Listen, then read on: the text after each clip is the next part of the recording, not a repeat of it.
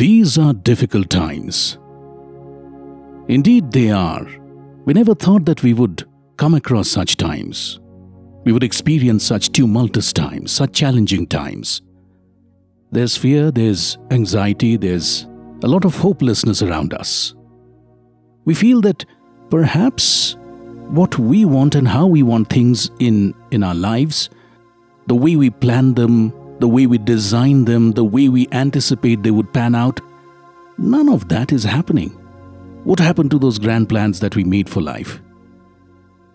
What happened to those grand plans that we made for our family? What happened to those grand plans that we made for ourselves? Those lofty dreams, those lofty ideas. We thought that they would happen, right?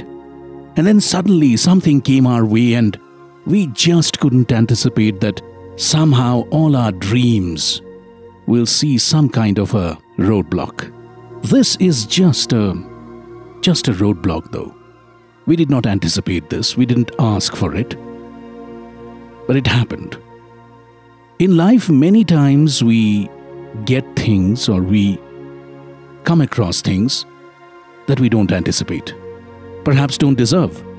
Perhaps we think life is being a bit unfair to us. We complain. We get into a shell. We curse. We feel dejected. We feel depressed. But that's not the answer that life is seeking from us. These circumstances have thrown a challenge at us. There's a lot of negativity around us, there's a lot of negative news around us. There's a feeling of being lost. There's a feeling of being absolutely helpless. And in some cases, there's a feeling that all is lost. Remember, life is also about how we negotiate these difficult turns, how we bounce back, how we tell ourselves that this is not the end of the road. This is not a roadblock that's going to be there forever. We are going to bounce back, we are going to come back, and this comeback is going to define who we are and how we live the rest of our lives.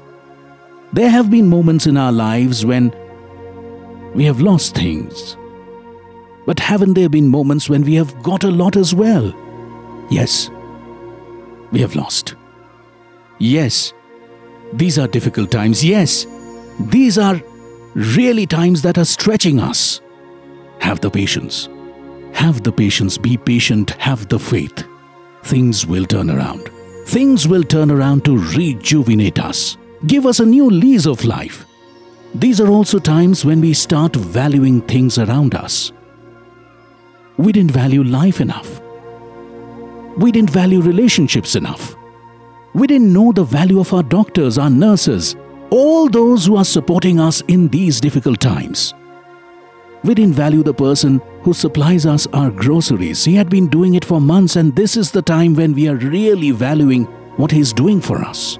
We didn't value our house help, who was such a wonderful partner in how we ran our lives, and now that she can't come to us, we know how priceless she is. We know how small things matter.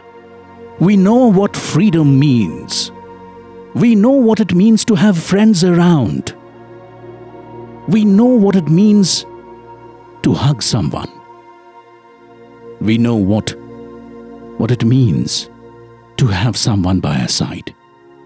We know what love is. We know what loss is.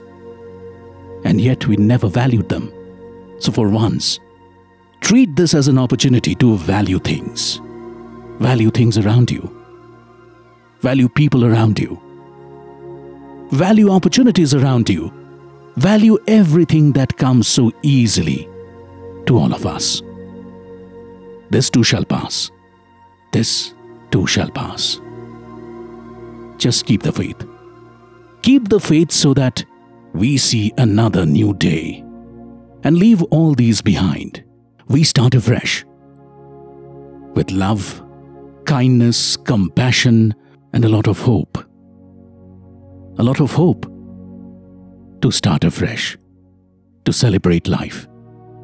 Let life be magical again. This too shall pass. Keep the faith.